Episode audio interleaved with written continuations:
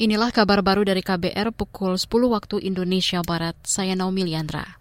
Saudara Presiden Joko Widodo hari ini meresmikan Bandar Udara Ewer di Kabupaten Asmat, Papua Selatan. Jokowi memastikan Bandar Udara Ewer siap dimanfaatkan untuk layanan transportasi udara demi mempercepat mobilitas orang dan barang. Hari ini siap dimanfaatkan untuk melayani kebutuhan transportasi masyarakat di Kabupaten Asmat. Ini penting sekali konektivitas keterhubungan antara sebuah wilayah, baik itu kabupaten, provinsi, maupun pulau, karena akan mempercepat mobilitas orang dan mobilitas barang, dan akan membuka isolasi, akan mempercepat kiriman-kiriman logistik, Presiden Jokowi menambahkan laporan yang diterimanya menyebutkan setiap pekan sudah ada sejumlah penerbangan ke Bandara Ewer, antara lain dua kali penerbangan ke Bandar Udara Ewer dari Timika ke Papua Tengah. Jokowi berharap diresmikannya Bandar Udara Ewer mampu meningkatkan perekonomian khususnya sektor pariwisata di Kabupaten Asmat. Sementara itu, Dirjen Perhubungan Udara M. Kristi Indah Murni menerangkan Bandar Udara Ewer di Kabupaten Asmat, Papua Selatan sebenarnya sudah ada sejak 56 tahun. Pemerintah kemudian terus mengembangkannya dan kini bisa melayani pesawat berkapasitas 78 penumpang berjarak pendek. Bandara ini eh, memang sudah lama ya.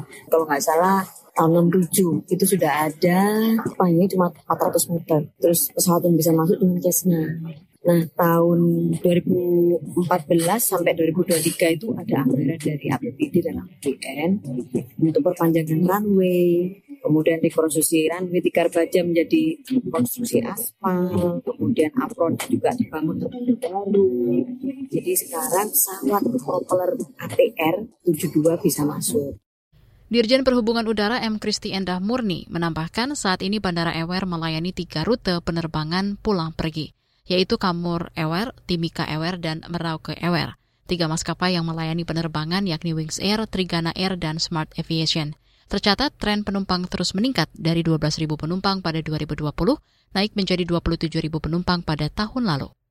Kita ke informasi olahraga. Tim nasional sepak bola putri Indonesia mengalahkan Timor Leste dengan skor 7-0 dalam laga penyisihan grup A Piala AFF U19 2023 di Stadion Gelora Sriwijaya Jakabaring, Palembang, Sumatera Selatan malam tadi. Garuda Pertiwi Muda tampil mendominasi sejak awal pertandingan. Melalui kerjasama Rana, Claudia Alexandra, dan Marcella Juliana, ketiganya secara bergantian mempersembahkan gol demi gol. Selanjutnya Jumat besok, Garuda Pertiwi Muda akan menantang Laos. Dua hari kemudian atau Ahad nanti, Timnas Sepak Bola Putri Indonesia U19 bersiap melawan Kamboja. Demikian kabar baru KBR, saya Naomi Liandra undur diri.